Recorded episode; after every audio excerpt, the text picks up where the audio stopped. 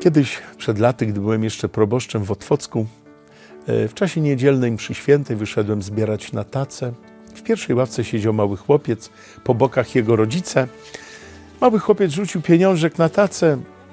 E, Pochyliłem się i zapytałem go na ucho, ale dosyć głośno, jak masz na imię? Bartuś. Powiedziałem do niego, niech nam żyje i podrasta mały Bartuś chluba miasta. On się uśmiechnął, rodzice się uśmiechnęli.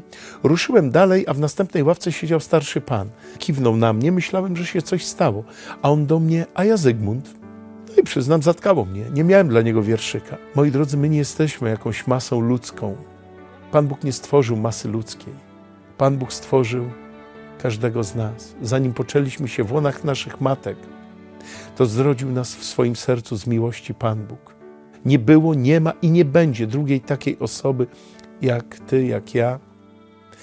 Jesteśmy Jego największym skarbem i właśnie za każdego z nas umarł Pan Jezus na krzyżu.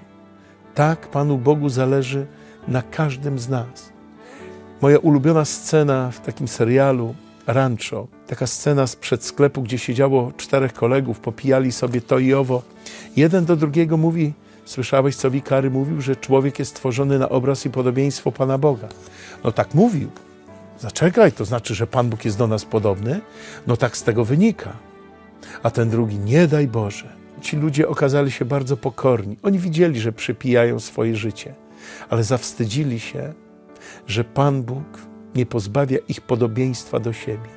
I to jest głęboka prawda, żebyśmy nie wiem jak pogubili się w życiu, żebyśmy nie wiem jak wplątali się w różne grzechy, to zawsze będziemy ukochanymi dziećmi Boga, do którego można zawsze wrócić, bo Bóg nie jest jakimś bezwzględnym, surowym sędzią, ale jest kochającym Ojcem, a my jesteśmy Jego dziećmi, stworzeni na Jego obraz i podobieństwo.